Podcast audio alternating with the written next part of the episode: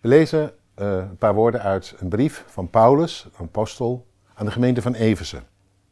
En Eversen was een uh, havenstad, ooit, in, uh, in West-Turkije. Dat heette toen Klein-Azië. Het ging er heel welvarend aan toe. En wat vooral ook denk ik heel belangrijk is, is dat daar een soort multireligieuze samenleving was. Mensen geloofden in van alles en nog wat.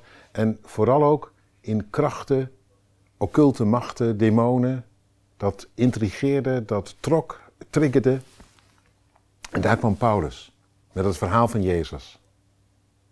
En tot zijn stomme verbazing zijn daar toen, in die periode dat hij daar is geweest, notabene twee jaar lang, heel veel mensen tot geloof gekomen. Het had te maken met het feit dat God zelf ook op een ja, bijzondere manier daarin meegewerkt heeft. Want er is geen plek waar Paulus zoveel wonderen heeft gedaan als juist in Efeze. Er staat zelfs dat als er een zweetdoek van hem of een riem op een zieke werd gelegd, dat die ander dan werd genezen. Met andere woorden, Jezus die manifesteerde zich daar als de levende, als degene die al die machten en krachten aankon.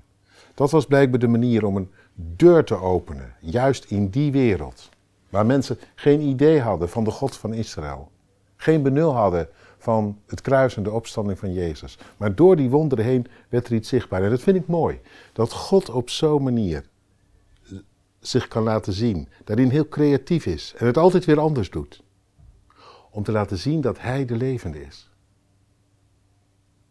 En dat al die andere machten en krachten erbij in niet vallen. Misschien herken je het wel in je eigen leven, dat je ineens werd verrast en dacht: het is toch waar. Je had het gehoord, je had ervan vernomen, links en rechts. Je dacht: nou ja, ik weet niet wat ik ervan moet geloven. Of het zei je misschien helemaal niks, maar op een gegeven moment, het drong door. En het was niet meer iets van horen en zeggen, maar het was iets van God die jouw leven inkwam. Weet je, Paulus die schrijft dan uh, achteraf aan die gemeente, en dat is heel mooi.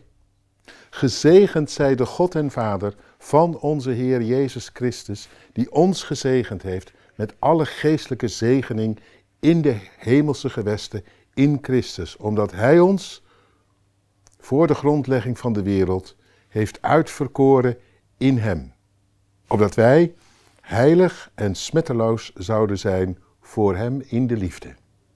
Apart hè? Weet je wat hij eigenlijk zegt? Het was God die begon. En het was God die ons opzocht.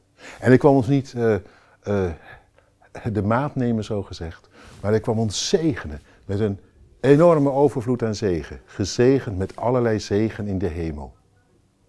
Genade, zijn geest, toekomst, leven en nog veel meer om Hem toe te behoren en te worden als Hij. Smetteloos in de liefde. Prachtig wat God voor je heeft als Hij jou zoekt en ontmoet.